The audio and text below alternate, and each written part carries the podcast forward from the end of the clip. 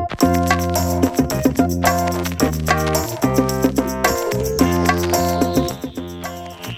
folkens, og velkommen til en ny episode av Steinaldermann podkast. Episode nummer tolv er vi kommet til, og episoden er sponsa av barefootjuice.no. Uh, der holder vi på å tynne ut eh, sortimentet litt for tida, så det fins uh, eh, enormt mange godsaker til skikkelig gode priser. Eh, blant annet så har vi Innovate alt mulig der. Sko, hansker, shorts, jakker osv. Om du liker å springe. Vi har rocktape i forskjellige varianter og tykkelser. CrossFit Rebook har vi masse sko og klær osv. som skal ut. Strength wraps om du trenger å styrke håndleddene dine på tyngeløft. Og eh, ja, en, en ganske mye sånn utstyr og forskjellige eh, ting og tang som er digg å ha med trening. Eh, til gode priser der inne nå. Det nærmer seg jul, så kanskje får du unnagjort eh, litt av juleshoppingen eh, samtidig som du kjøper noe til deg sjøl. Eh, I tillegg så har vi så klart inne eh, Pure Pharma sine produkter. Pure Pharma de legger mye arbeid i å lage den best mulige versjonen av de produktene som de har. Det er for at de sjøl og at kundene skal være sikre på at produktet er rent, etisk framställd og ikke minst at det er så biologisk tilgjengelig som mulig. Altså at det er lett for kroppen å, å ta opp. da. Eh, den mest aktuelle nå om vinteren er jo så klart D-vitamin. Eh, Norske anbefalinger ligger på 800 internasjonale enheter per dag. Mens eh, den internasjonale organisasjonen Vitamin D Council, som liksom fremmer forskning på, på området, og anbefaler en daglig dose på ca. 5000 internasjonale enheter. Og Det er den dosen som jeg pleier å kjøre nå sjøl på vinteren. De anbefaler òg at spedbarn skal ha rundt 1000 internasjonale enheter per dag, og at unger generelt skal ligge på 1000 internasjonale enheter per 12,5 kilo de veier da, fram til, fram til de kommer opp til, til 5000. Eh, hvis dere ikke vet så mye om D-vitamin, så anbefaler jeg å gå inn på Vitamin D Councils si, si nettsider. Så fins det veldig mye informasjon om, om, det der. Jeg var og, og suste litt på internett her i stad sjøl. Og da kom jeg over en veldig kjekk D-vitaminkalkulator som faktisk er laga av Norwegian Institute for eh, Air Research. Eh, her kan du finne ut hvor mye soltid du trenger for å produsere 1000 internasjonale enheter med D-vitamin. Eh, og Da kan du også plotte inn de forskjellige årsidene, hva slags vær det er, og hvor stor eksponering du har osv.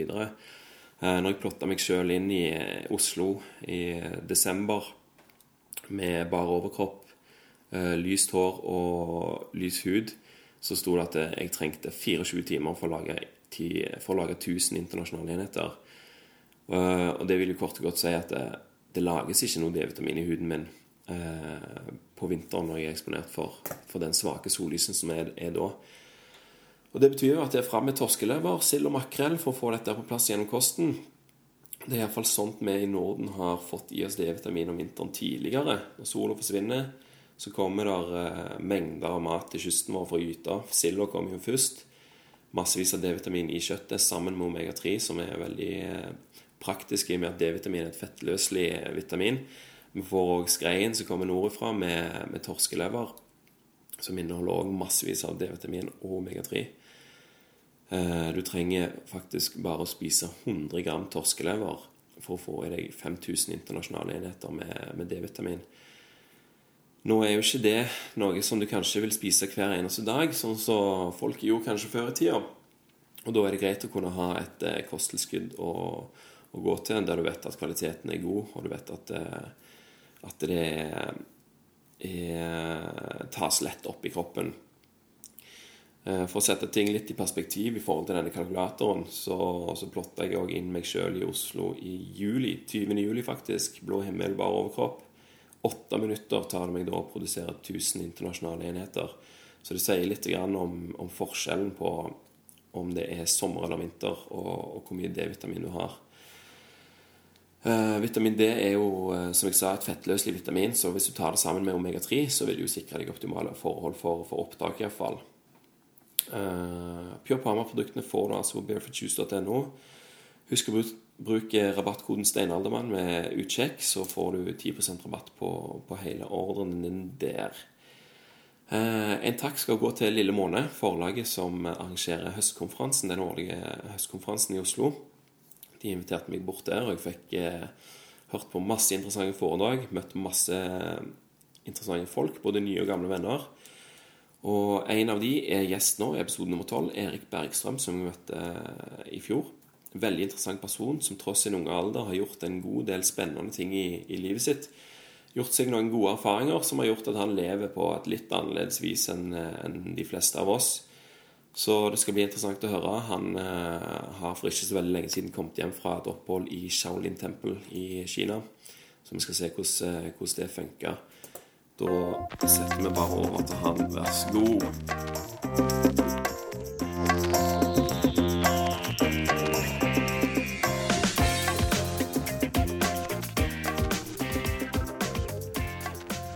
Yes, god dag. Da er vi altså fra Lille Månes høstkonferanse. Her er det mange interessante folk å prate med.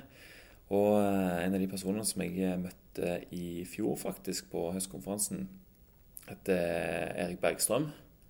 Velkommen til deg. Tack så mycket, kul att vara här. Ja, takk for at du stiller opp. Eh, du er 22 år, Ja.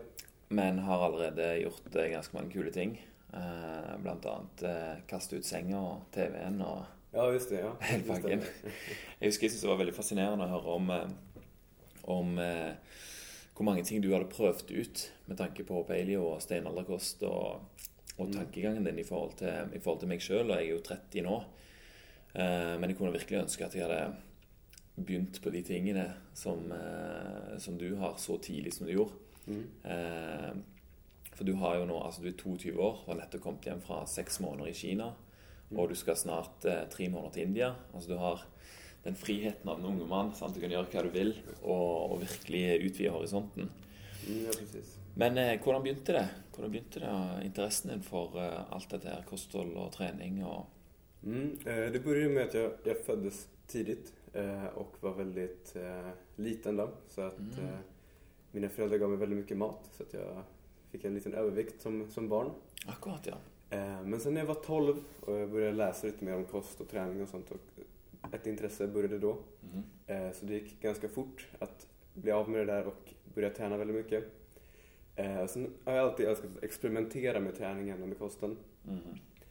Och sen när jag var 17 och bodde uppe i Östersund så, så läste jag boken Istället för doping av Frank Nilsson. Istället för doping, ja. Yes. Den har jag faktiskt aldrig hört om. Nej, Det var samma bok som eh, Björn Ferry läste när han började med LCHF inför eh, Ah. OS. Mhm. Ehm, OS, det är OL på norsk. ah, okej. Ja. OL. Yes, precis. Olympiska lekarna, va? Ja, Ja. på svensk. Spelen. Spelen. Yes. Just det. Ja, så jag, jag testade i alla fall och det var en väldigt strikt eh, LCHF-variant då. Mhm. Eh, och märkte att det funkade väldigt bra. Eh, redan efter, jag tror det var två veckor, så hade vi ett litet triathlon i skolan. Och eh, i ett vanligt triathlon så vet du, man springer väldigt långt, man cyklar väldigt långt och man simmar väldigt långt. Vi vi hade en mindre variant. Mhm. Men när jag i alla fall kom åtta minuter före tvåan så märkte jag att någonting funkar. Eh, Jag tränade, tränade ju väldigt mycket och det funkade väldigt bra innan också fast där tog mig till en ny nivå. Mm. Eh, sen 2010 så tog jag ju mitt SM-guld i kettlebell, också då på en väldigt strikt eh, LCHF-kost. Ja, hur gammal, hur gammal var du då? Det var jag 18 år. 18 år, ja.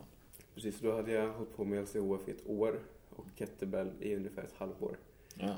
Ehm, och, eh, men efter det började jag experimentera mer med kolhydraternas roll. Jag började testa att omringa mina träningspass med frukt. Jag testade grönsaker mer eller mindre. Eh, och kom då fram till en mer paleo-inspirerad kost. Mm. Førte du liksom eh, notater og liksom analyserte du det, eller var det bare sånn på feelingen?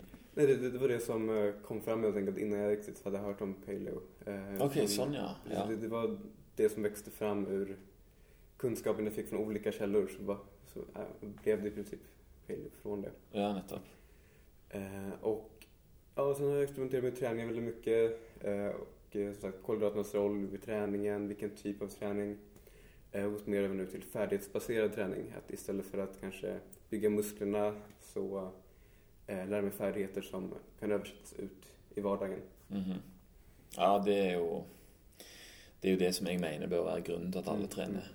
Og, og ha en funksjonell kropp som du kan bruke over Mm. tid. Precis. Så den ser jeg. Ja, så sen eh, förra sommaren så gjorde jag ett kul experiment också. Jag testade att se, jag, jag läste den här boken Born to Run. Fantastisk, fantastisk bra bok. bok. Man tror inte att det kan vara så intressant att läsa om löpning fast Mm. varje sida är helt fantastisk. Det, det är en god historia och väldigt mycket nyttig information samtidigt. Sant? Så du, Ja, kan, du, precis. du blir aldrig lej. Precis. Och jag har sprungit i Five Fingers sedan början av 2010. Mm. Eh, och, men efter den här boken så blev jag inspirerad och gjorde mina egna Tarahumara-sandaler i Ja, Rashis. härlig. Och det springer med dem. Ja. Ehm, men jag hade aldrig direkt sprungit längre än en, en, en, och en halv mil. Men eh, efter den här boken så bestämde jag mig för att se hur långt jag kan. Jag kunde springa. De springer ju extrema distanser. Ja. Så kom jag i alla fall upp i nio mil på ett dygn. Nio mil. Nio mil. Det I Göteborgs skärgård. Så det var en väldigt, väldigt fin dag. Ja. Ehm, ja, men nu fall det senaste, det, som du nämnde var ju att jag var i Kina nu. Ja. Eh, och med Shaolin-munkarna i ett halvår. ja. Hvordan, kom du in på, på det? Hva, førte til at du ville prøve det? Mm, ehm, I och med att jag som sagt älskar att experimentera med träningen så har jag kommit in mer på kampsport också. Jag tycker Mm. att eh, det är en bra sak att kunna försvara sig. Ja. Ehm, så jag började med krav maga Mhm. och det är en väldigt, väldigt effektiv Det är den eh, israelske israelisk, precis. Det, Mm. Den är ju gjord för militären där. Ja. Sen vill jag ha det här um, mer estetiska också med Kung Fu är ju väldigt, det är en väldigt vacker kampsport så det är väldigt många fina rörelser och den, ja, for krav maga i forhold er veldig brutalt Precis, og precis. direkte, precis. mens eh, kung fu er mer liksom preget av tradisjon og Ja, precis. Ja. Så att då tycker jag att de, de kompletterar varandra väldigt bra. Ja, nettopp. Eh, och ehm, mest för inspiration egentligen för mina träningsdagar så vill jag kolla hur Shaolin-munkarna tränade. Mhm. Bara för att se hur en dag i en Shaolin-munks liv ser ut. Ja. Och då såg jag det att sen ungefär tio år tillbaka så tar de emot västerlänningar eh, som då får komma och testa på att leva med dem och träna med dem. Ja. Så att, eh, ja, det var inga, inga frågetecken där utan jag skrev, jag skrev som ett CV ganska direkt och skickade in. Och eh, ja, jag tog tre Sender det til post.shaolin.com, Ja, liksom. precis. Ja. Ehm, och sen tre månader senare så var jag på plats i Kina. Mhm. Eh, för att stanna ett år, var tanken då. Ja. Eh, så ja, det var en väldigt spännande resa. Absolut. Ja, ehm, ok, så da hadde du tre måneder til liksom litt eh, mentalt forberede deg, og så Ja. var det å stille opp. Eh, men hvordan, altså når du kommer eh, hvordan blir en vestlig person tatt imot? Hur, hur menar du? Eh, hvordan blir du tatt imot på tempelet? Eh, jo, men i och med att det var sektionen där med västerlänningar då, så det började med att jag fick åka till en annan skola eh, Mm. som inte var templet. Eh, med ungefär 100 personer. Mm. Vestlige? Västerlänningar, precis. Ja. Och sen för att då få, få komma till templet så var man tvungen att vara topp 10 av de här 100. Ok. För att då komma till templet och leva med munkarna Ja. och fortsätta sin träning där. Men hvis du, hvis du ikke er topp ti, da? Da blir du bare der hele tida? Hur menar du? Hvis, du- hvis du ikke blir med i topp ti? Då då, då, kommer du aldrig då, till nej, templet. precis. Då hade jag fått stanna där. Ok, ja. Precis. Mm. Fast det var inga, inga problem så. Ingen problem. Det, det var ju som ett heltidsjobb med träningen men sen gick jag ju upp eh, väldigt, väldigt tidigt och började dagen innan de andra och la väldigt mycket av fritiden på att, på att komma till templet helt enkelt. Ja. Mm. Fokuserte, rett og slett. Ja, precis. Men når du kom, altså Det var 100 stykk. Mm. 100 personer. Eh, foregår ting på engelsk? Ja, alla, alla pratade engelska utom Okej. mästarna. Eh, Ah, och det okej. fanns översättare på plats. Så att, tyvärr så lärde jag mig inte så mycket kinesiska som jag hade Nej. velat kanske. Ja. Ehm, Det var en gång i veckan så åkte jag in, in till stan för att handla mat. Eh, Och då, då blev det kinesiska och charader som, som gällde. Kinesiske? Och charader, Ja. kroppsspråk. Mm, nettopp. Det har jeg opplevd sjøl òg. Mm. Eh, og inn til stan for å kjøpe mat, sier du. Og det er en god grunn til det? Ja, verkligen. Um, I och med att jag äter paleo så um, eh, var det lite tricks att få till det i Kina i och med att maten är väldigt, väldigt enkel. eh, I princip risbaserad. Mhm. Ehm, jag hade tyvärr ingen kyl så det var inte det lättaste att, att lösa. Men eh, ägg åt jag väldigt mycket. Och eh, köpte nötter och sånt i stan. Men eh, det som serverades som jag kunde äta då var framförallt ångkokta grönsaker. Mhm. Så att det var väldigt lite energi i maten. Så att eh, hade med, hade med mig kokosolja och sånt så jag skulle kunna hålla energin uppe. I och med att vi tränade så himla mycket. Ja, Hvor mye trente dere? Hvor mye tränade ni? Eh, jag skulle nog säga aktivt sju timmar om dagen. Mm. Fem dagar i veckan. Samma sak hela tiden så att det var lite återhämtning. Detaljer, detaljer hele veien. Ja, precis. Och Ja. sen eh, på lunchrasterna och på kvällarna och sånt så fortsatte jag min e- egen träning. Akkurat, ja. Ja, så det kanske blev en åtta, timmar per dag. ja. Hm. Heftig. Og da, da er det ikke tilstrekkelig med en kokt løk. Ja, nej precis. Det var det du fikk? precis. Det, Det- kunde vara en, en middag. Kokt lök och några tomater kanske. Fantastisk. Men du fikk to egg til dagen, var det det du sa? Ja, precis. Så Mm. till frukosten så snodde jag alltid med mig några extra ägg så jag skulle överleva dagen. Ja, nettopp. Må liksom Survival of the fittest. Det er det det handler om. Mm, mm. Ja.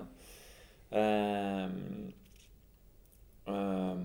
og hvordan eh, kombinerte de liksom den fysiske treningen med psykisk trening? Var det mye meditasjon, eller? Mm, jag har ju själv i ungefär tio år eh, gjort eh, sazen, vilket är en japansk zen-meditation. Ok. Eh, och jag hoppades på att det skulle vara väldigt mycket så Ja. eh, i Kina. Skuffende lite. Ja, precis. Och på första stället eh, som jag var på så var det inte så mycket sånt. Vi hade ju tai chi och qigong. Eh, träningen i sig var väldigt mycket fokuserad på just det fysiska. Eh, men sen när jag kom till templet så var det mer meditation. Det var ju i Shaolin-templet helt enkelt. Så där fanns det den riktiga Shaolin-kulturen Mhm. på ett annat sätt. Fast ehm, ja, väldigt mycket av träningen hade just med träningen att göra, vilket jag inte trodde först. Mm. Så att eh, tyvärr så det, den spirituella delen, eller vad man ska säga, den an- andliga biten från Shaolin har nog börjat bytas ut lite mer mot den rent fysiska.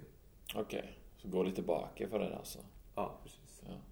Det er jo litt sånn Ja. Litt synd, da. Ja, även mästarna har ju mobiltelefoner med internet och Ja, sånt, så ja, att, ja. eh, Man kunde springa på dem och sitta med Facebook och sånt. Så att det, ja. det sprack en liten bubbla där. Men, Ja. Slutt med det der! ja, precis. Det var ikke dette jeg så på film. precis. Ja, men det er, litt, det er jo litt sånn, altså det skjer jo over hele verden uansett, så jeg kan jo ikke akkurat stoppe det for vår, vår eh, liksom ønske, vårt ønske om å, å liksom bevare den eh, gode gamle Bruce Lee-feelingen. Mm. Eh, men eh, når dere trente, altså du sier du trener veldig mye på detaljer og sånn, var det mye eh, kontakttrening òg? Altså trente mot hverandre, eller var Inte det jättemycket. Ja. Eh, varje dag så hade vi två timmar basic-träning, vilket Mm. helt enkelt är eh, utan motståndare. Det är mycket fokus på att få in rörligheten i rörelserna. Så vi Mm. sparkade i luften, vi gjorde hoppsparkar, vi slogs i luften och så vidare. Mhm. Eh, Efter det kunde vi ha till exempel former, vilket eh, motsvarar kator i Mhm. eh, andra kampsporter, så vapen eller bara nävar. Ja. Även där utan motståndare. Men blir det sånn at, det, at hele troppen på en måte står og Ja, precis. Det kunde vara att vi stod flera stycken och gjorde samtidigt eller att man övade på sin egen grej beroende på hur långt man kommit. Ok, Så det er ikke sånn én som står og kommanderer, liksom? Oi! Det, det, det gjorde vi också, Okej. absolut. Precis. Var, varje dag hade vi det. Ja. Ehm, och sen hade vi då kinesisk kickboxning tre gånger i veckan. Mhm. Eh, två gånger med mittsar och en gång då med sparring. Och då, då var det riktiga 100% matcher.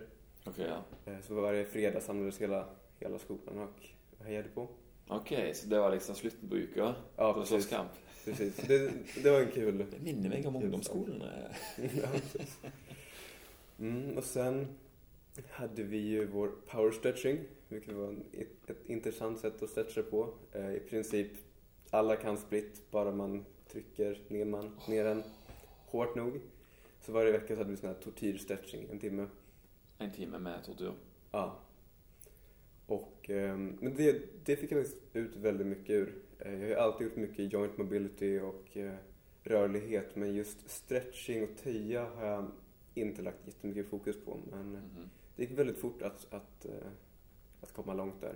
Ok, hva, hva følte du var Eller hva var liksom metoden som Ja, ble lært? eh, Var det liksom tøye 30 sekunder, eller var det liksom pust? Eh, Hvordan Nej, det var egentligen bara gå ner i en split eh, och sen får någon antingen ställa sig på höfterna eller bara trycka ner och så håller man det i två minuter och försöker ta sig lite längre ut hela tiden. Okej, så pröva bara pusta roligt och liksom Ja, precis. slappa av, slappa av. Fast det var absolut Mm. eh, över smärtgränsen. Så att det var ju många som kollapsade, många som grät. Det var riktigt... Det var ja, den mest dramatiska stunden på veckan.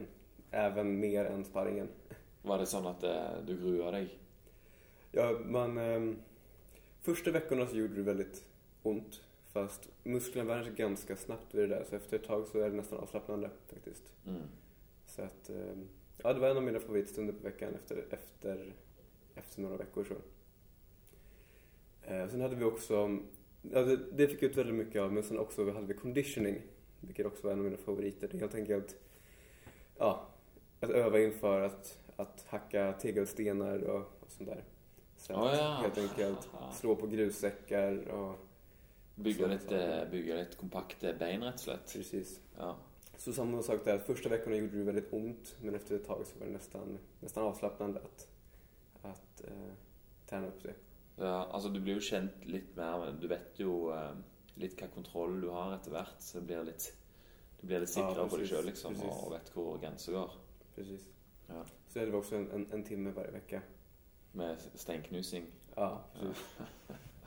Ja, da, da begynner det å høres ut som eh, god gammel kung fu-film. Mm, ja, precis. Ja. Men eh, du sier syv timer med trening, og så en, en times egentrening ca. Mm. Hva, hva gjør du, driver du med ellers der? Hva, er det noe å gjøre på? Vad menar du? Mm, når du trener syv timer, Ja. hva gjør du resten av tiden?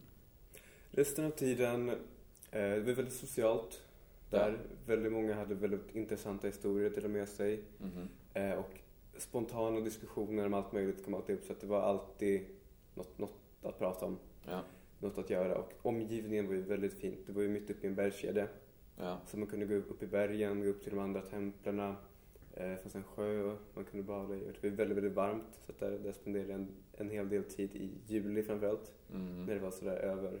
ja, da er det jo godt. Ja, å- tretti- Hva, hva provins er det? Eh, först var jag i Shandong-provinsen. Ja, Ehm, och sen åkte jag till templet som är i Henan-provinsen. Henan, ja. Inåt landet där. Mm. Jeg vet faktisk hvor det er. Ja. Eh, så da var det liksom det det gikk i. Og så, eh, men du sa du trener fem dager i uka, men du dro bare til byen én dag.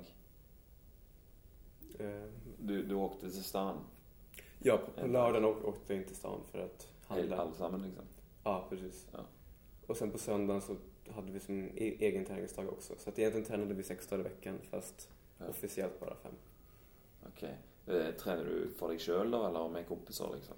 Eh, Ja, det började med att jag tränade själv. Eh, fast sen i och med att min träning ser inte ut som den gör för de flesta så vart det många intresserade ganska fort. Aha. Så att jag tror nog att inom några veckor så hade jag nog en 30 personer någonting som... Så fulgte deg på en Ja, så det blev någon sån spontan workshop varje söndag nästan. Ok, Ja, hva, hva gjorde du? Hva var det du gjorde som var Eh, jag min, min träning är väldigt inspirerad från Movnet, Mm. Tagfit, I- Ido Portal Mhm. eh, och så vidare. Så det är mycket kroppsviktsövningar, mycket um, locomotions, ta sig fram i lizard crawl, bear crawl, hänga. Eh, så blandat med lite old school eh, calisthenics eh, Mhm. och så. Ok, ja. ja, ja men det Og, og eh, Hvor mange folk var liksom i, i gruppa som du tilhørte? Mm, vi var indelade i, i grupper om tio. Ja. Eh, och eh, då följde man mästaren som hade den gruppen hela tiden. Så att vi hade allt, alltid samma mästare. Hvordan opplevde du eh, liksom personlige forhold til mesteren? Ja, ehm, man förstod ju inte ett ord eh, som de sa. Ehm, de, det enda de kunde på engelska var egentligen faster och more power. Mhm. Och det använde de väldigt, väldigt ofta. Eh, och det fanns översättare och så. Men eh, absolut, i och med att man spenderar varje dag under ledningen av, av sin mästare så absolut så blir det en, en relation där med eh, träningen. där. Så att, eh, tydligen så betyder eh, ordet shifu som jag använder eh, för mästare betyder tydligen, eh, vad var det betydde? Typ en- ens andra far eller något sånt. Så, Ja, att, så att rollen de har är helt enkelt att vara en, en mentor. ja, Så det er lagt opp til at det skal bli tette bånd her? Ja, absolut. Mm. Och sen var det det, om man inte följer reglerna så blir man ju slagen med en stav också. Blev du Eh, slått? Jag, jag lyckades att undkomma det, men Jaha. eh, det var så riktigt, de hade... Blev man slagen på benen så var det egentligen eh, eh, som årsringar på ett träd ungefär. Så Ja. ut efteråt i regn, regnbågens alla färger längs hela benen. Så det var riktiga, riktiga smällar folk fick. Men eh, eh, hva kunde du gjøre for å bli straffa? Eh, det kunde vara antingen om man, om man bröt mot reg- reglerna, som att man... Eh, Som for eksempel, ja. Eh, vi hade ju eh, en läggtid till exempel när man ska gå och lägga sig. Man var ute och det, fanns, det fanns ju ändå på området inom promenadavstånd fanns det ju krogar och sånt. Ok. Så om någon gick ut och drack på en kväll och inte kom tillbaka så vart de slagna. Hvor mange ganger? Eh, precis. Och de, de låser ju portarna också. Och eh, kommer man för sent och klättrar över muren så blir man också Men er det ett, slag, eller er det eh, tre oftast. Tre. Riktigt hårt. Det, det kan vara så att staven går sönder. en bambusstav? Eh, Nej, det är ek tror jag. Ok. Så att ok. riktiga... Ja. Litt solid òg, altså? Ja, precis. Så att de fick ju ofta ta ledigt några dagar för att de inte, inte kunde använda benen riktigt. Det var så pass. Ok. Men da må du bare stå Står du bare fritt, og så Eh, kommer man og Man står i en armhävningsposition och så slår de på hamstring.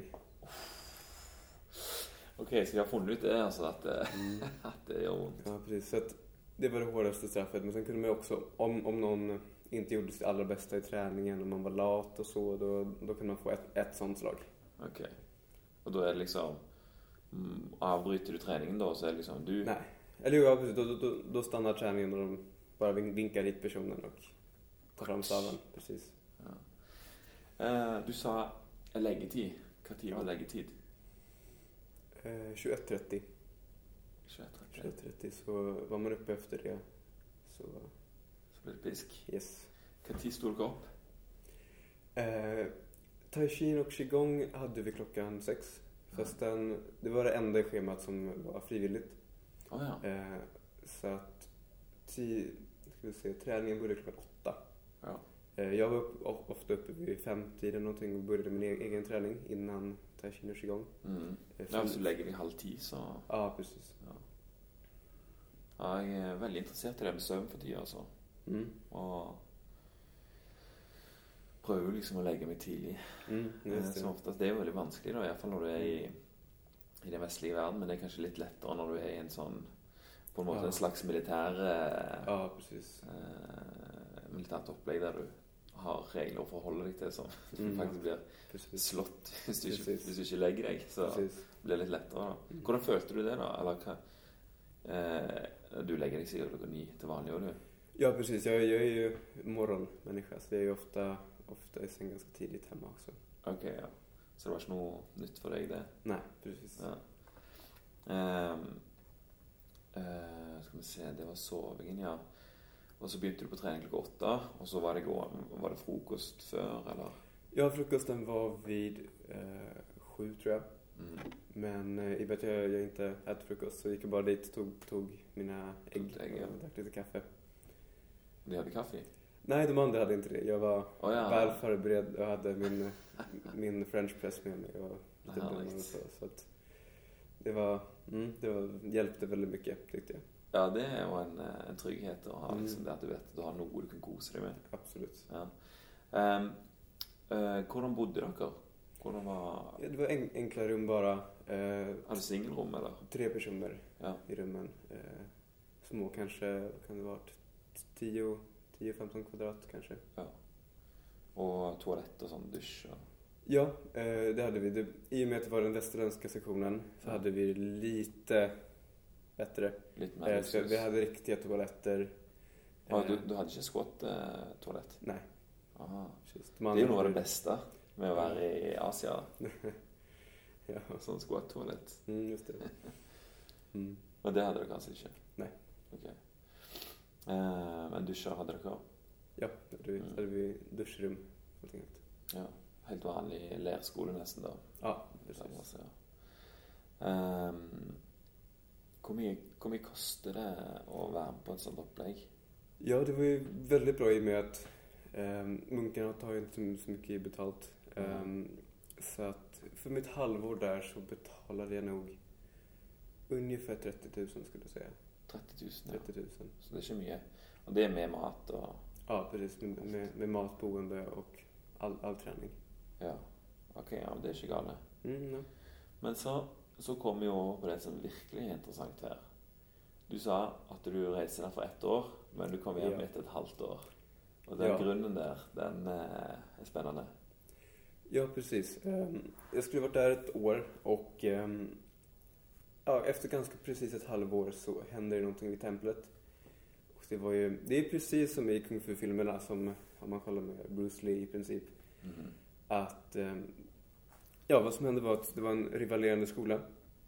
Ehm, när min mästare gick på upplärning, när han var liten, så gick han tillsammans med några andra. Hvor gammel var mesteren din? Eh, det var st- stor blandning. Eh, min första mästare var i 25-årsåldern. Okej. Han hade, precis blivit mästare. Ja. Eh, men ja, upp, upp till alla åldrar. Det var Ja. någon som var minst 200 år skulle jag säga. Ja. riktig, riktig fu-mästare med långt, långt vitt skägg och så. Men eh, mästaren jag hade sen då var i 35-årsåldern. ja. Och eh, när han gick på upplärning, i alla fall när han var liten, eh, så var en av hans kamrater som efter att ha blivit mästare tog en annan väg, en Mhm. mer kriminell väg. Medan min mästare då stannade på templet eh, och fortsatte lära ut kung fu som, som han ska. Dette, dette her minner meg om eh, Splinter og Shredder fra Turtles. Precis, exakt, Ja. det, är, det är precis så. Ehm, så att, ehm, ja, en, en kväll så kom då den här an, andra mästaren med sina elever. Eh, de hade tegelstenar med sig och hoppade då på min mästare. Det var sju personer mot en. Så min mästare då um, hade ner två stycken. Sen höll han upp händerna och sa stopp, jag, vill inte slåss mer. Ja. Och då var det en person bakom honom. Så du dette? Det hände precis utanför mitt rum, fast eh, Ah. vi vaknade av det. I och med att det hände på natten. Så, så när vi kom ut så ha- hade det redan börjat sking- skingra sig. Aha. Men ehm, ja, då, då hoppade de i alla fall på honom och eh, ja, med tegelstenar och så. Så det var ganska dramatiskt. Eh, han hamnade- på sjukhus och ja, efter det så, så, så bröt vi helt enkelt eh, vistelsen där och jag åkte hem en, en vecka senare. Alle sammen? Eh, nej, det var några som stannade eh, i, och några åkte tillbaka till den andra skolan Ja. väntade på att det skulle lugna ner sig lite grann. Ok, Så det var liksom Du kunne ikke være i leiren lenger? Det var Ja, m- man, man kunde det, fast det var Okej. ju ingen träning och det var ju... Ok, sånn, ja. Ja, ja. precis, det, på, andra ställen så var det bara en mästare. ja. Så det var en alvorlig hendelse, rett og slett, som Ja, precis. Ja. Eh, och i och med att jag har planerat min nästa resa som kommer vara till Indien, eh, Rishikesh i Himalaya, Mhm. så inte det kan lika gärna åka hem, landa, packa om ut på nästa äventyr Mhm. helt enkelt. Ja. Eh, liksom, er det noen politisak om dette, her, eller er det bare Nei, det la de kung fu-folk å finne det ut, liksom? Ja, nej, det, det var nog, ja, vad ska man säga, en intern konflikt bara. Ok. Så det ble ikke blålys og, Ja, nej. og rettssak? Nej, det jag hoppas att, att, att, de kommer göra någonting. Polisen var ju på plats och Okej. eh, det här hände ju under en övervakningskamera. Å ja. Eh, Akkurat. fast just när det hände så gjorde de inte mer att de skingrade på det och sen stack de Mhm. utan att göra någonting mer än så. Vet, så att, vet du eh, hvordan det har gått senere? Jag undrar för de, ehm, de som attackerade fanns ju kvar på området i flera dagar efteråt så det var en väldigt orolig tillvaro eh, i att ja, vi var där, ingen annan mästare var där, det var en, en av medicinmunkarna som, som kom och, Mm. och skötte allting så att ja, po- polisen gjorde inte, inte mycket. Nei. De jo sikkert livredde. Mm, ja, precis. Kommer Shredder og gjengen og banker. Men eh, hva tenker du at du fikk ut av prøve dette? Ja, det är ju absolut ett äventyr för, för livet. Mm. Eh, och det var ju en otrolig resa. Ehm, intressant också att se där hur mycket kroppen klarar av. Eh, jag tror inte jag skulle komma så långt, framförallt i det här med tegelstenar och sånt. Det känns ju som något man måste jobba hela livet på. Du kan knuse Ja, den, en, en enkel variant. En, jag tror det är skillnad på kinesiska tegelstenar som vi använder här. Men eh, Er det, er det skillnad på kung fu-tegelstener? Liksom ekstra porøse? precis, nej det, det är det inte. Utan det, det är de som man använder i byggnaderna. Ja. Fast Ja. jag kan tänka mig att är en, att det är en skillnad på dem. Ja. ja, men det er kult, da. Mm, absolut. Ja. Ehm, Och eh, din nästa resa går, så du säger, till Himalaya, Ja, precis. Nordindia. Ja, så de säger att Rishikesh ska vara yogans födelseplats. Mm. Och eh, då ska jag bo där i tre månader och eh, studera under några av Indiens då heliga yogis. Så det blir en väldigt intressant upplevelse. När drar du? Vad- Vadå? När ska du dra? Eh, jag åker i januari, sen kommer jag Okej, hem ja. i, i maj igen. Mm. Så tre och en halv månad ungefär. En intressant ting om detta. Alltså, du är paleo-man. Ja. Stenaldig kost, kött, fisk, ägg och så vidare. Precis. Men denna landsbyn. Ja, precis. Rishikesh är ju en helig stad. Så att det är till och med så att det finns en svart marknad för kött i och med att det är olagligt i hela staden. Så att matsituationen har ju inte förbättrats sen Kina där. Mhm. Eh, Så det, kött är ju olovligt. ja, helt och hållet. Av vilken grund? Vilken grund är det? Ja, det har väl med yogan att göra eller med hinduismen, det vet jag inte. Ja. Eh, så att det är ju eh, religiösa eller filosofiska skäl. ja. Eh, ägg hoppas jag verkligen att, att jag får äta. In, indisk mat är ju fantastiskt god annars. Så att ja. bortsett från det så ser jag fram emot maten där. Men ja, det ska bli väldigt intressant att vara utan kött. ja. Det har jag aldrig varit förut.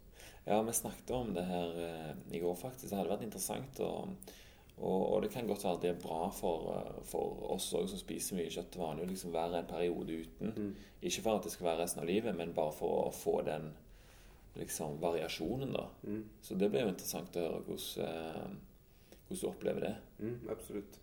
Og, og få restriksjoner på det. Mm.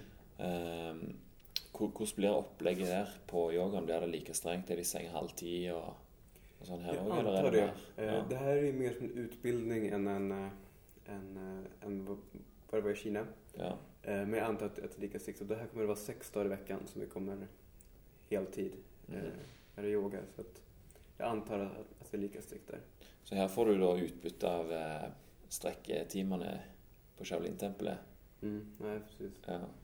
Åtte timer yoga, Mm, seks dager i uka. Mm. Vet du hvor, hvordan det hva, hva er liksom Hvor begynner du, og hvor slutter du på kurset? Eh, det är nog samma sak, det är tidiga månader Mhm.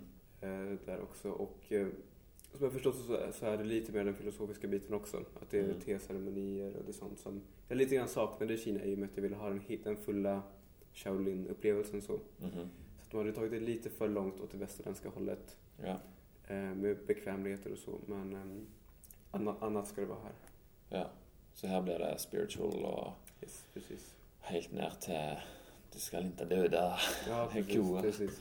Jag Ja. kanske blir stammis på den svarta marknaden. Vi får se hur det går. Det er spennende, altså. Kjøpe ulovlig kjøtt og, og koke det bak eh, et palmetre, eller Ja, just det. Ja. ja, men det blir spennende. Ehm, og det er en utdannelse, altså hvordan, hvordan fant du ut at du skulle, skulle dra hit? Til, til den plassen i India? Altså, søkte du på internett, eller? Nej, det var faktiskt ehm, i, min- i min e- egna träning i, i Kina. Ja. Så eh, en av de som jag tränade väldigt mycket med eh, var en man från Island som då hade gått den här i Rishikesh för några år sedan. Jaha. Och han pratade väldigt gott om den. Han sa att det var det mest fantastiska han, han hade gjort. Eh, och då, så redan innan jag då lämnade Kina så hade jag redan bokat Indien och allting för att Mm. fortsätta och, och, och, eh, vistelsen där istället. Ok, kult. Ja, men det er stilig, altså. Det har jo Altså kung fu og yoga. Altså det, det minner jo litt om hverandre, men det er jo veldig forskjellig. Altså Kung fu Ja, er jo på en måte kampsport, mens yoga er liksom Precis. anti-konfliktopplegg. Mm.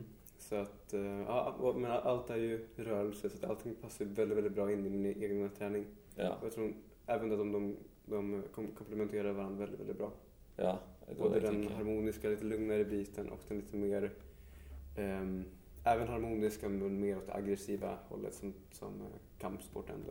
Ja, eller iallfall det, det, det er vel sånn at det, med kung fu sånn at du oppnår en veldig god kontroll Mm, eh, imellom de to. da. Sant? At du vet nøyaktig når du skal Mm. switche. Mm. F.eks. når du får en murstein i bakhodet Mm, av det, eh, det. the bad guys. Ja, det var ju tur, hade någon annan fått den i huvudet hade det ju inte gått lika bra i och med att han har ju, han har ju um, tränat sitt huvud hela sitt liv. för det där. Ja. Det var en litt annen eh, eh, definisjon på hjernetrim, altså, rett og slett. Mm, ja, precis. Ja. Men hvordan trener du hodet, da? Altså Eh, det börjar med att man står på huvudet OK. eh, Ja. länge och bara härdar, härdar ut. Mm. Eh, efteråt, jag kom aldrig så långt, men efteråt så använder de varandra som murbräckor. Och eh, två personer håller en person och kör in den i, i väggen så. Nei, kødder du? Eh, fast då tror jag man ska ha hållit på något år först innan, innan man börjar med det. Men, Mm. Ja, Shaolin-munkarna de gör väldigt extrema saker. De, de hänger sig själva till, till och med för att stärka nacken. Ja. Så att de sätter sig i lotusposition och hänger upp sig eh, och, och mediterar. Så att det är väldigt, väldigt häftiga saker jag, jag har sett där i, i Shaolin. Men er det liksom Er, er, det, er det ego, liksom, for å vise at eh, dette kan jeg, eller er det Ja, det är väl någon slags strävan åt att se hur långt kan vi, kan vi ta den mänskliga kroppen. Er det noen som går for langt? Det kan jag tänka mig. Många av mästarna har ju problem med knäna i och med att eh, sen de var i femårsåldern så har de ju varje dag eh, gjort något så, så här extremt Mhm. eh, utan någon direkt vila. Helgen är ofta inte nog för att återhämta sig efter hela veckan. Så att just överträning finns absolut Mhm. i, i, Ja, i en kort kommentar fra Ido Portal etter Ja, hvert. just Eh, ja, vad var det? In, in China, tra- overtraining is training. Ja. eller Något i den stilen. Att det, det, det, det är standarden. Ja. Recovery eh, fins ikke. Precis, det finns ingen, ingen medelmåtta Ja. där. Det hadde jo vært interessant å se hvor Altså, det er jo utrolig eh, flinke folk. Dyktige, talentfulle. Det Mm. hadde vært interessant å kombinert det litt mer med den forståelsen vi har for eh, restitusjon og, Mm. og tilretteleggelse for eh, f.eks. via kosthold, altså når du Mm, skal, absolut. eh, skal prestere. da. Mm. Så det, jo, det vil jo egentlig si at det er mye å gå på. Mm. Det hade varit väldigt intressant att se hur det hade gått om jag hade kunnat ha en full pa- paleokost på Ja. plats. Om jag hade fått To fulle dager eh, fri. i ja, precis, full, full, full dagars ledighet då och då för att återhämta mig. Ja. Eh, så det hade varit väldigt intressant att se. Mm. ja, ja. Men eh, i og med at de blir mer og mer vestlige, så er det vel muligheter for at eh, disse rutinene kanskje kommer inn der etter hvert. Ja, absolut. Och jag vill tro lite grann också att jag har gjort en liten påverkan när jag har varit där i och med att jag har haft så många som jag har- hjälpt med träningen och även med kosten. Mhm. Så att eh, på den första skolan där det var 100 personer så så sagt, åtminstone 30 personer som jag har hjälpt med kosten och som jag har hjälpt med träningen. Och det det tog sig faktiskt in i träningen med mästarna också. Ok, Så att eh, en av mästarna såg det att jag, att jag, ledde, min, att jag ledde träningen och eh, i, vad jag hörde så var, var det första gången någonsin som en elev fått byta plats med en mästare. Så att eh, under två dagar så fick jag faktiskt leda grupperna. Kult. Eh, vilket var väldigt, väldigt, väldigt häftigt. Så att jag och min mästare bytte plats under... Så, så han trente under deg, da? Precis. Yeah. Så det, det var väldigt, väldigt häftigt. Ok, stilig. Så att, eh, jag hörde också det från någon att efter att jag hade åkt så fortsatte de göra lizard crawl, bear crawl och sånt under träningstiden. Eh, Ja. Sånt som, som, som, som jag, jag lärde ut när jag, när jag var där. Så att det, det är spännande. Ja, det er god mycket- følelse. Precis, Det er god følelse å vite at du har gjort eh, Du har bidratt. absolut. For dette er jo ting som bidrar til mer den oppbyggingen istedenfor den nedbrytingen som fokuseres Precis. mye på. da. Precis. Ja. Ehm, en ting jeg husker som du fortalte meg, det var Det var før du reiste og alt dette her, da. Men det du sa, var at du har eh, solgt senga di. Ja, precis. Att det ska vi säga, ett och ett halvt år sedan Mhm. så sålde jag min säng. Ja. Eh, och eh, gjorde en veva där jag gjorde mig av med väldigt mycket. Eh, ungefär 90% av allt jag äger gjorde jag mig av med. Eh, TVn gjorde jag mig av med för flera år sedan. Eh, för att försöka leva ett så minimalistiskt eh, liv som möjligt. Mhm. Eh, och det med sängen i alla fall. Eh, det är intressant, jag läste på om ryggen. Jag har en gammal, gammal ryggskada, en spricka i ryggen sedan jag var liten. Som det stör mig inte jättemycket men jag känner ändå av det. Mhm. Och just det med att ligga på hårt underlag är väldigt, väldigt bra för ryggen. Mhm. Ehm, Något som i princip alla, alla primater använder sig av. Att under dagen så får, är det väldigt mycket tyngd på ryggen, framförallt för oss som står upprätt. Mhm. Och sen då när man ligger hårt på natten så drar skotorna ut och återställer balansen i ryggen. Ja, For det skjer ikke på samme måte når du sover på en myk seng. Nej, absolut inte. Hva er det liksom som, er, som gjør det? Det är ju det att när skelettet stabiliserar kroppen, gör när man ligger hårt, så eh, kan musklerna slappna av. Men ligger man på något mjukt, eh, så, Kompenserer du, ja. precis, då är det musklerna som håller upp kroppen. Blodtillförseln till ryggmusklerna blir inte alls likadan. Mm. Så ligger man på hårt så sjunker egentligen musklerna i ryggen till sidan och har fullt flöde av, av blod. Medan när man då ligger mjukt så fördelas, Så en svaj, liksom. så fördelas tyngd, eh, tyngden jämnt över hela ryggen, vilket den inte ska. Akkurat. Eh, Men det märker man ju, folk som har ont i ryggen, den naturliga instinkten är ju att lägga sig på golvet. Mm. Och det är tanken att man ska göra det. Men, men hvordan er det i forhold til hengekøyer? For du av og til det når folk har vondt i ryggen, at de bør sove i hengekøy. I, i, vadå? En eh, hengekøye. Altså Eh, Hängmatta? Ja, hengematte. Ja, ja. Hvordan er det i forhold til det? Att man ska göra det. Ja, så vondt i ryggen. Ja, det undrar jag. Eh, ligger man rakt av i en hängmatta, det beror på hur man har spänt den i och för sig, men Ja. så länge man inte får den här eh, böjen på ryggen. Ja, for det får du jo. Ja, precis. Men det finns ju faktiskt en teknik att ligger man snett i en hängmatta Ja. så kan den spännas ut och bli rak. Så det, det skulle säkert kunna funka. Men, eh, så jag sov på golvet nu på, på en yogamatta i ett och ett halvt år och jag skulle absolut säga att in, inom två veckor så känns det som att man sover i en, en mjuk säng. Det, det, det var vanen, sant? Ja, precis. Så att man, man tänker inte på att det är hårt. Och det är absolut hjälpt min rygg. Så att, eh, ja, det, det kan være forebyggende for alle. absolut. Och man måste inte ta det så långt som man ligger på en yogamatta utan man kan helt enkelt bara välja mellan en hårdare madrass eller bara testa det ett tag, ligga på ett liggunderlag. Ja. Och eh, så märker man inom två veckor om, om det är något för dig eller inte. Liksom. Ok, så du kan liksom ta eh, Men som jeg forsto det, så var det liksom det at eh, er jo myk hele Precis, veien ned. Sant? precis. Det, det er aldri stopp. Precis, det Men finns hvis du har, naturen. Hvis du har liksom tynne madrass, en tynn madrass med hardt gulv under, Precis, så, så får du den effekten. precis. För kollar vi naturen så finns inte det underlaget.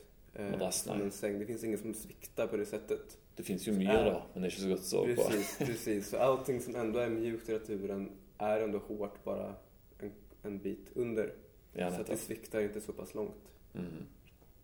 Ja, det, det der, der er jo veldig interessant. Altså, jeg kommer ikke til å selge senga mi med det første, Mm. for Mm. jeg deler den jo med kona mi.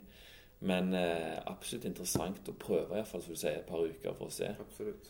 For eh, hvis det er forskjellen på om du kommer til å ha en sterk og frisk rygg resten av Mm. livet, Mm. så er det jo verdt det. Iallfall hvis du sier at etter to uker så kjennes det mykt ut. Ja, precis. Ja. Eh, ok, men du, du gjorde dette her altså fordi at du hadde en skade. Ja, precis. En, en spricka i ryggen sen jag var liten. Ja. Som sagt, det är, det är ingen som har stört mig jättemycket men det är ändå något som jag känner av. Mm. Fast eh, ja, inom två veckor så kändes det mycket, mycket bättre. Kult. Oppfordring til folk. Prøve å sove litt på gulvet. Mm. Jeg har alltid likt det hvis jeg først skal se på TV, liksom, så øh, klarer jeg ikke å sitte i sofaen for lenge. Da må Mm. jeg liksom ned på gulvet og, Mm, ja, og legge meg litt sånn. Mm. Det kan være det har med det å gjøre, da. At eh, Mm, musklene trenger å slappe av, liksom. Ja. Så även om man då inte vill sova på golvet så skulle man kunna ta en kvart, 20 minuter varje dag eller, eller några gånger i veckan då man bara lägger sig på en yogamatta och bara slappnar av. Prøve å slappe helt av. Ja. ja for eh, det fins jo noe som heter sånn eh, eh, is- Isolation tanks. Altså en sånn Mm. tank med, med varmt saltvann. Ja, Så du, så du lukker igjen. Mm. Eh, og så ligger du og flyter i dette her vannet, da, men du kjenner ikke at du, at du er i vann, fordi luften og vannet har samme temperatur. så, du, så det er en sånn flytetilstand. og, og der er jo meningen at du skal eh, slappe av i, i alle musklene og, Mm. Og få liksom den, den her enorme blodgjennomstrømningen. da. Mm. Men jeg hadde en kompis som prøvde det, og han sa at eh, han fikk det liksom ikke helt til til å begynne med. Så han la seg nedi og så liksom skulle prøve å slappe av der, men så var det liksom et eller annet som ikke stemte. Mm. Og så var det at han hadde Han var litt grann anspent i hofta. Okej. Sant? Sånn at eh, du klarer ikke å få den der eh, superavslappende posisjonen. Men eh, det han fortalte, det var at eh, når han fant det ut etter sånn fem minutter, så Mm. pju, slapp det i hofta, og så Okej. havner du inn i en sånn Altså Det är häftigt. Det har jag inte provat. Det kanske jag ska Ja, jeg har heller ikke prøvd. Jeg har veldig veldig lyst til å prøve det. Jeg vet at det er en sånn tank i Stavanger, så jeg må jo bare få prøvd det, rett og slett. Ja, spännande. Ja, for altså det Det er jo mange slags anbefalinger der, men det sier liksom to timer i en, eh, i en sånn tank. Det er både meditasjon, og det kan til og med utdatte seg til å bli en, en slags psykadelisk opplevelse. For du, du, eh, du klarer ikke å redegjøre for hvor du er hen. Nej, nej. Du er bare i en flytende tilstand i, i intet. Du kjenner ingenting følelse på, på huden. Og du kjenner ingenting eh, luft altså som blåser på deg. Du vet ikke om du er oppe eller ned. Alt er helt svart. Ingen lyd. Flytande medvetande bara. Ja, sant? Så du er bare du, du, du, Det føles ut som du bare er din egen hjerne, kan du si. Og sånn så eh, Jeg merker bare sjøl når, når jeg skal legge meg, sånn rett før jeg sovner, så, og jeg har øynene igjen, så begynner det å komme en del sånn eh, mønster og bilder som flyr liksom i eh, er veldig sånn uspesifikt foran ansiktet, da. Eller liksom inni hjernen, eller hva du skal Ja, kalle det. det. Ja.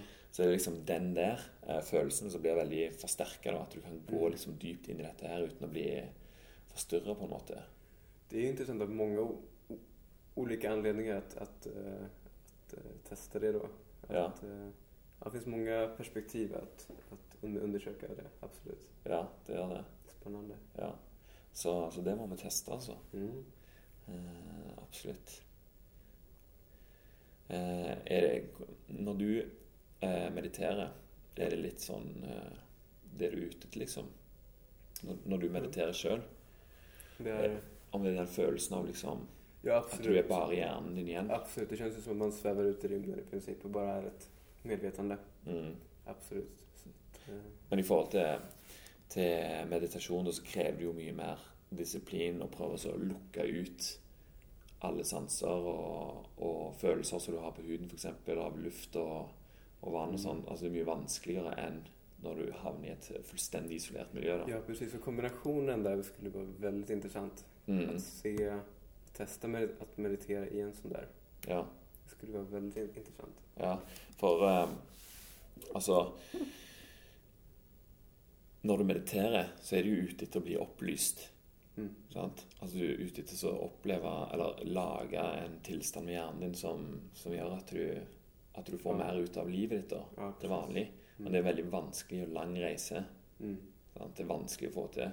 Du hører folk som sånn yogafolk som liksom ok, Eller sånn tibetanske munker. Det tar liksom så og så mange år før du oppnår eh, liksom eh, den tilstanden. Mens i, i en eh, i en sånn eh, tank så er liksom alt lagt til rette. Så du har bare noen få detaljer igjen som du må, kan konsentrere deg om. Så du kan liksom gå rett fra bylivet, aldri meditert, rett inn i en tank og pff, Som stöd, stödhjul i princip. Ja, rett og slett. Som støttehjul. Så det må vi teste, altså. Mm, definitivt. Ja. Eh, kanskje det bør være en av de eh, tingene du kan ha i leiligheten din. Du har jo så lite andre Ja. ting. Ja, precis. Det är en oplanerad vistelse tillbaka här. Så att det lär jag testa. Ja. Men eh, når du sa du kvitter deg med 90% av tingene dine, Yes. hva er igjen? Hva, hva har du igjen? Vad jag har kvar French är väl... press. Ja, precis. Min, min, mina kaffegrejer. Nej, vissa kläder, det är det som jag an- använder mest. Ehm, och ja, ett par olympiska ringar och en boxningssäck i princip. Men li, lite saker har jag kvar. Men just det här, allt som var på vinden, allt som jag inte måste ha kvar. Mhm. Eh, Så att jag är väldigt, inspirerad av theminimalists.com. Det var väldigt bra upp, uppsatser och texter om, Minimalist. om, om, om minimalismen, varför man sparar saker. Aha. Alla de här sakerna man har bara ifall att. Mhm. Minimalist.com. Eh, theminimalists.com. Ok, kult. Väldigt, väldigt bra sida. Ja. ja for det, det var interessant. Altså, du, du lærer om hvordan du, du sparer på ting. Ja, precis. Och sentimentala saker som man inte använder. Varför, varför man sparar på dem, de psykologiska aspekterna. Mhm. Och hur skönt det kan vara att göra sig av med sånt. Vilken frihet det kan vara. Ja. Eh, som till exempel så vet jag inte om jag nu hade kommit, iväg på min Kina-resa om jag varit nedtyngd av alla saker jag haft kvar. ja, du hadde hatt sterkere behov for å være hjemme, liksom. Ja, precis. Passa på så dig. att det är ju som en tyngd, eller som ett ankare. Ja. ja, for jeg har jo, jeg har jo flytta nå i sommer. Mm. Og det er jo en eh, Altså, da, Då märker man hur mycket man merker du hvor mye du har. Altså, det jo helt Det, det er jo flaut, vet du. Men eh, til og med det som jeg fant når jeg flytta inn, var jo esker som jeg ikke hadde pakket opp fra forrige gang jeg Mm. flytta. Precis. Så egentlig så kunne jeg bare kaste den, for jeg har ikke brukt den på fire år. Precis. Selv om det er kule ting. Jeg begynte å se Mm. oppi, så var det sånn Å, kult, denne boka her fra skolen. og sånn. Men jeg tenker sånn, de sentimentale tingene da, som du tar vare på fordi at det er minner liksom, av, Ja, av livet ditt. precis. Jeg tenker jo litt sånn at eh, eh, når jeg var liten, så var det kuleste jeg visste, det var å gå på loftet til farmor og farfar. Mm. For der lå ting fra når pappaen min var liten. Okej. Sånn, så du kan på en måte få en liten glipp, Mm. eh, gløtte litt inn på hvordan det var å, å leve i den tida. Altså. Mm. altså, det tror jeg nok er litt, litt eh, av grunnen til at jeg eh, har et par esker med ting som egentlig er helt ubrukelige. Mm. Men jeg har lyst til å spare på det, sånn at eh, mine barn kan finne de Ja, det. senere liksom, og bli litt kjent med hvordan jeg var Mm. jeg, liksom opp gjennom livet. For jeg har jo ting fra barnehagen, barneskolen, ungdomsskolen. Mm, altså just forskjellige ting. da. Mm. Men eh, jeg vet ikke hvordan det blir eh, Mm. behandla på minimalist.com. Mm, det- finns absolut texter om det. Sen får man ju, det sköna med minimalismen är att man får ta egen ställning till det, vad man vill ha kvar och inte. Aha. Tanken är inte att man ska göra sig av med något man vill ha kvar utan det är att man mer ska ta en extra fundering. Vill jag verkligen ha kvar det här? Aha. Så att eh, i mitt fall kan ju verka ganska extremt för väldigt många att göra sig av med sängen, göra sig med nästan allting. Mhm. Eh, fast det är den varianten som funkar, funkar för mig. Sen får man ju ta det så långt som man själv vill. Mm. Eh, Men också det med att flytta. Ofta märker man ju det att när allting är flyttstädat och allting så märker man varför har jag inte så här jämt? Eh, När allting är nerpackat och man märker att det, allt blir mycket större, allt blir Mm. mycket, mycket enklare helt enkelt. Ja. För det tar ju ändå mycket tid och energi och att, att ha alla saker man har. ja, så går du altså du går jo og ser på de, altså, Precis. det er litt i bakhodet. Sant? Mm. Ja, det er interessant.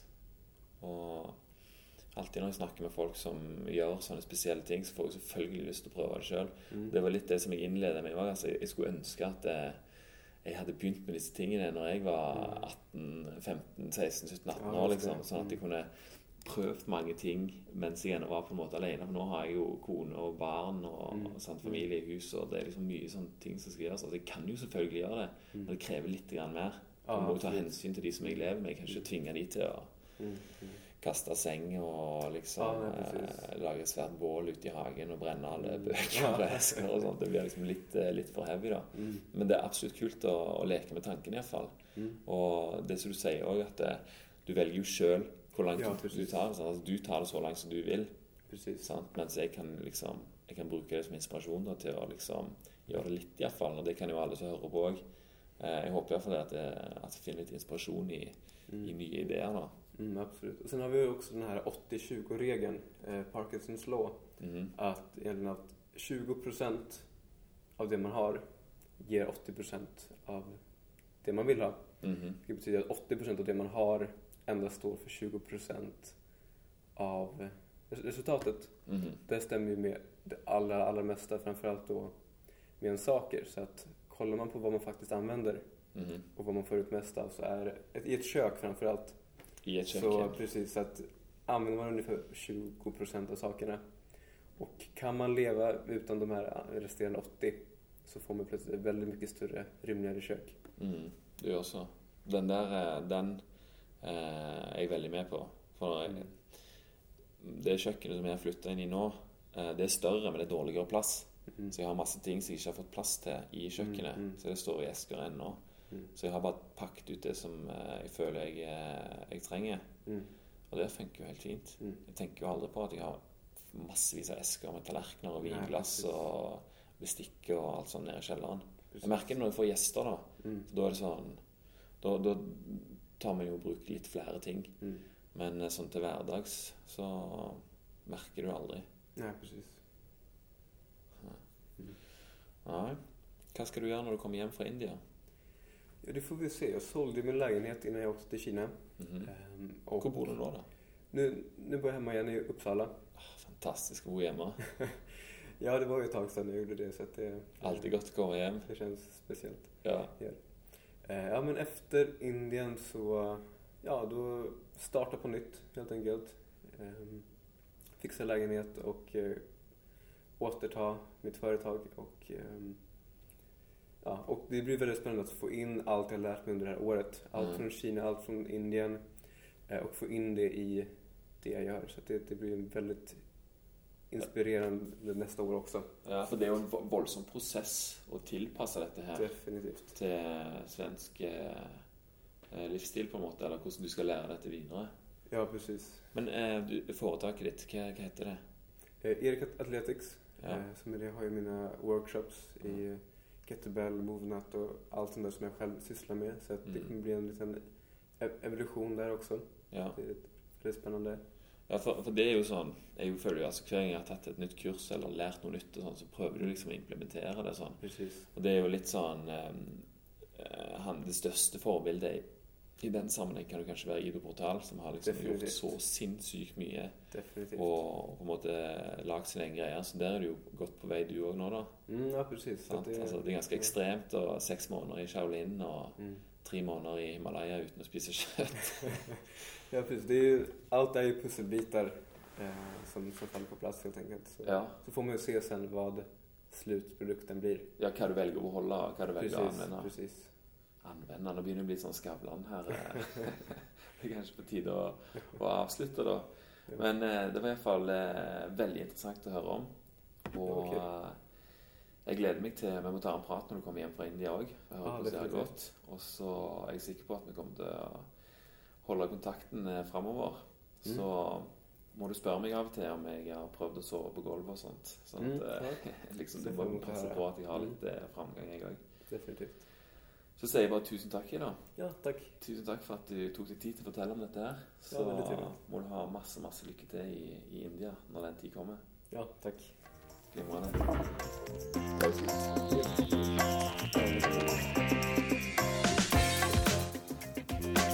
Tusen takk til Erik Bergstrøm der, altså. Og tusen takk òg til sponsor barefootjuice.no og Lillemåne Forlag.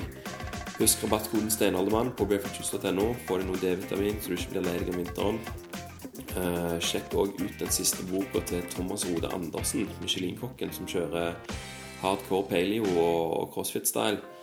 Boka heter Gå med mat for deg som trener', og tittelen sier vel egentlig det meste. Du kan bli inspirert, og du kan imponere damer av typen med skikkelig mat. Eventuelt så kan du òg gi den til, til noen eh, til jul, og håpe at du får servert noen av disse godbitene som en del av eh, Eh, neste episode snakker jeg med Anders Kindberg og den fantastisk smarte og intelligente legen Joakim Iversen, som kan svare på så å si alt. Jeg ble nesten helt satt ut når vi satt der og stilte han spørsmål, for uh, eh, hadde jeg ikke forventa at jeg kunne svare så nøye på, på alt det som jeg lurte på. Uh, han hadde òg det desidert kuleste foredraget på årets høstkonferanse. Jeg tipper det blir lagt ut på YouTube. Uh, YouTube-sida til Lille Måne ganske snart, så du kan få det med dere der. Og få med dere intervjuet som kommer om et, et par uker der. Så snakkes vi neste gang på episode nummer 13.